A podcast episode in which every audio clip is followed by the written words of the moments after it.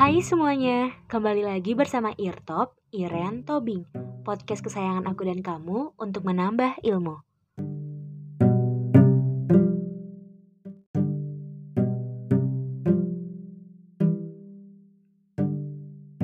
Nah, seperti biasanya, di sini aku akan menemani waktu luang kamu dengan membagi pengetahuan yang mungkin saja kamu baru tahu sekarang.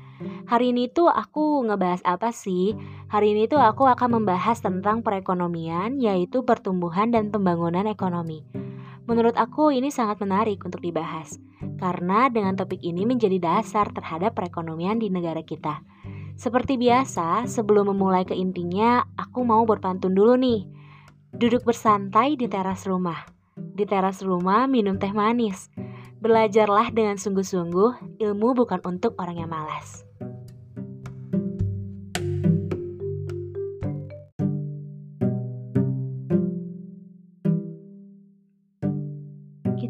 Dari pengertian pertumbuhan dan pembangunan ekonomi itu sendiri. Apa sih yang dimaksud dengan pertumbuhan ekonomi?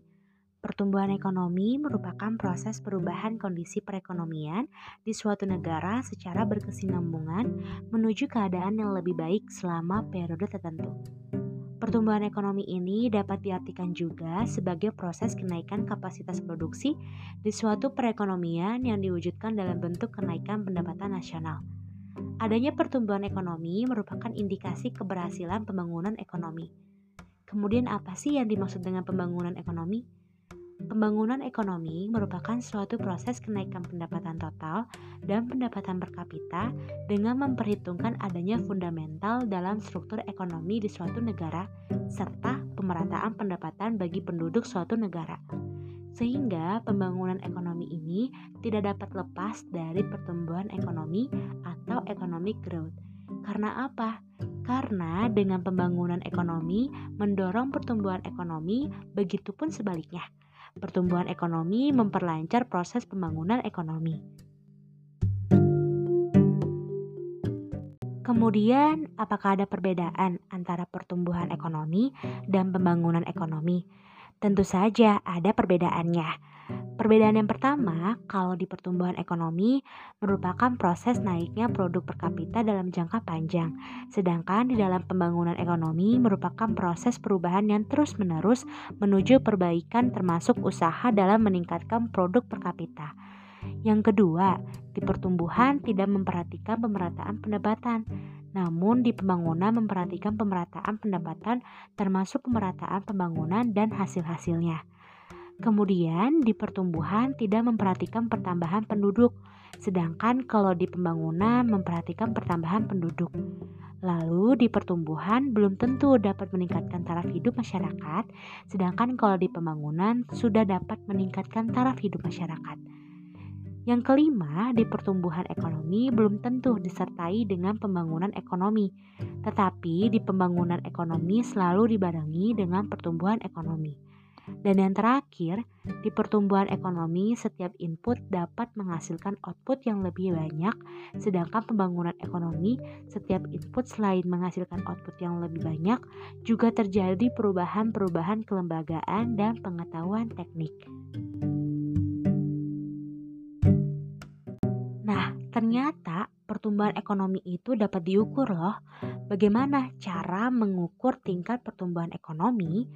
Pertumbuhan ekonomi suatu negara itu dapat diukur dengan cara membandingkan gross national product uh, atau GNP dan gross domestic product atau GDP dari tahun yang sedang berjalan dengan tahun sebelumnya.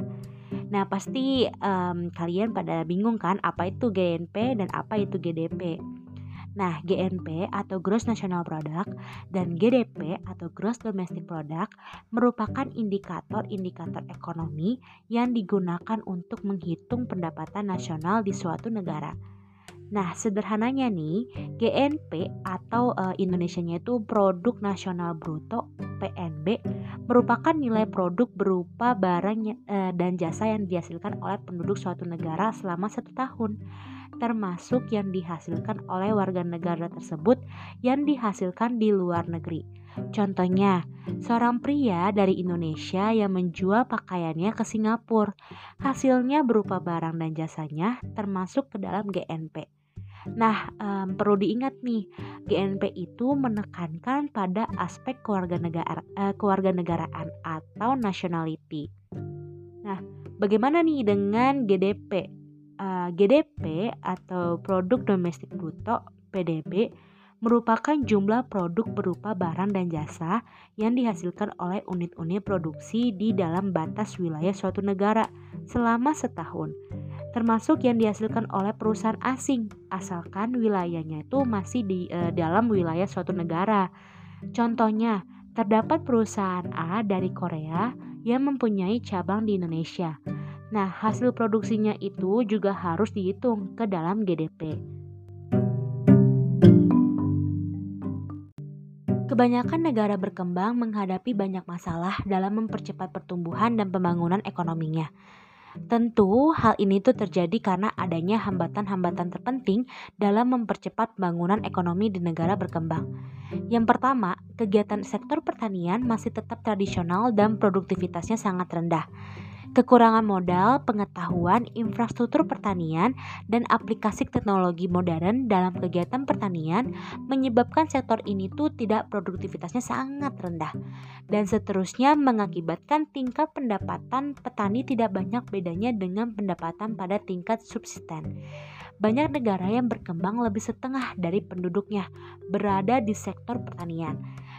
Cara bercocok tanam masih tradisional, penggunaan input pertanian modern sangat terbatas, dan alat-alat pertanian yang digunakan masih tradisional. Semua ini menyebabkan tingkat produktivitas sektor tersebut masih sangat rendah dan merupakan faktor penting yang menimbulkan pendapatan yang rendah dan masalah kemiskinan yang masih meluas. Hambatan yang kedua adalah kebanyakan negara berkembang menghadapi masalah kekurangan dana modal dan barang modal, yaitu peralatan produksi yang modern. Salah satu syarat penting yang perlu dilakukan dalam mengembangkan suatu perekonomian adalah mewujudkan modernisasi dalam segala bidang kegiatan ekonomi yakni uh, modernisasi di sektor pertanian sendiri, mengembangkan kegiatan industri, sektor perdagangan dan jasa juga harus melakukan modernisasi, dan modernisasi dalam pemerintahan. Negara miskin pendapatannya itu rendah dan tidak mampu menabung. Sebagai akibatnya tidak terdapat insentif untuk mengembangkan kegiatan ekonomi modern. Karena apa? Karena pasaran terbatas sebagai akibat pendapatan yang rendah dan tabungan terbatas hingga tidak dapat membiayai proyek-proyek yang akan dikembangkan. Kemudian yang ketiga, tenaga terampil, terdidik, dan keahlian keusahawan, penawarannya itu masih jauh di bawah jumlah yang diperlukan. Tersedianya modal saja tidak cukup untuk memodernkan suatu perekonomian. Pelaksanaan pemodernan tersebut harus ada. Dengan kata lain, diperlukan berbagai golongan tenaga kerja yang terdidik seperti ahli-ahli teknik di, di berbagai bidang, akuntan, dan manajer untuk melaksanakan proyek-proyek pembangunan. Di samping itu, diperlukan juga tenaga terampil yang akan menjadi pengawas dan pelaksana dalam berbagai kegiatan industri. Dengan demikian, perlu perkembangan sistem pendidikan yang merupakan suatu langkah yang harus dilaksanakan pada waktu usaha pembangunan mulai dilakukan. Lalu, hambatan yang keempat, perkembangan penduduk yang sangat pesat. Maksudnya apa ini? Negara-negara berkembang pada keseluruhannya itu menghadapi masalah yang sangat besar dalam membangun perekonomian yaitu di satu pihak negara-negara tersebut memiliki sumber-sumber dan kemampuan yang terbatas dalam melakukan pembangunan ekonomi. Tetapi di lain pihak, mereka harus mewujudkan kesempatan kerja dan berusaha menaikkan kemakmuran untuk sebagian besar penduduk dunia yang bertambah dan hambatan uh, dan dan hambatan yang terakhir berbagai masalah institusi, sosial, kebudayaan dan politik sering dihadapi. Di negara-negara berkembang pada faktor-faktor institusional, sosial, kebudayaan, dan politik sering kali sangat penting pengaruhnya kepada kepesatan pembangunan ekonomi. Pembangunan ekonomi yang pesat memerlukan situasi politik yang stabil. Kemudian cara-cara hidup dan berpikir yang tradisional sering kali menyebabkan masyarakat tidak bertindak secara rasional. ini menimbulkan uh, efek buruk kepada pertumbuhan ekonomi dan perlu berbagai bentuk perubahan uh, institusional yang dapat mempercepat dan mempertinggi efisiensi pembangunan ekonomi. Bagaimana dengan pemerintah? Kebijakan pemerintah di sini tuh sangat penting dalam peranannya untuk mempercepat pembangunan ekonomi. Kebijakan pemerintah tersebut dapat meliputi mendiver, uh, mendiversifikasikan kegiatan ekonomi, mengembangkan uh, infrastruktur, meningkatkan tabungan dan investasi, meningkatkan taraf pendidikan, mengembangkan uh, mengembangkan institusi yang menggalakkan pembangunan serta merumuskan dan melaksanakan perencanaan ekonomi.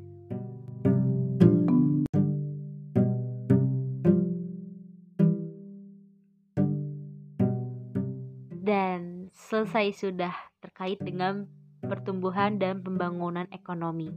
Gimana nih? Sudah tambah lagi kan pengetahuannya? Nah, um, sudah cukup ya banyak yang aku jelaskan tentang pertumbuhan dan pembangunan ekonomi.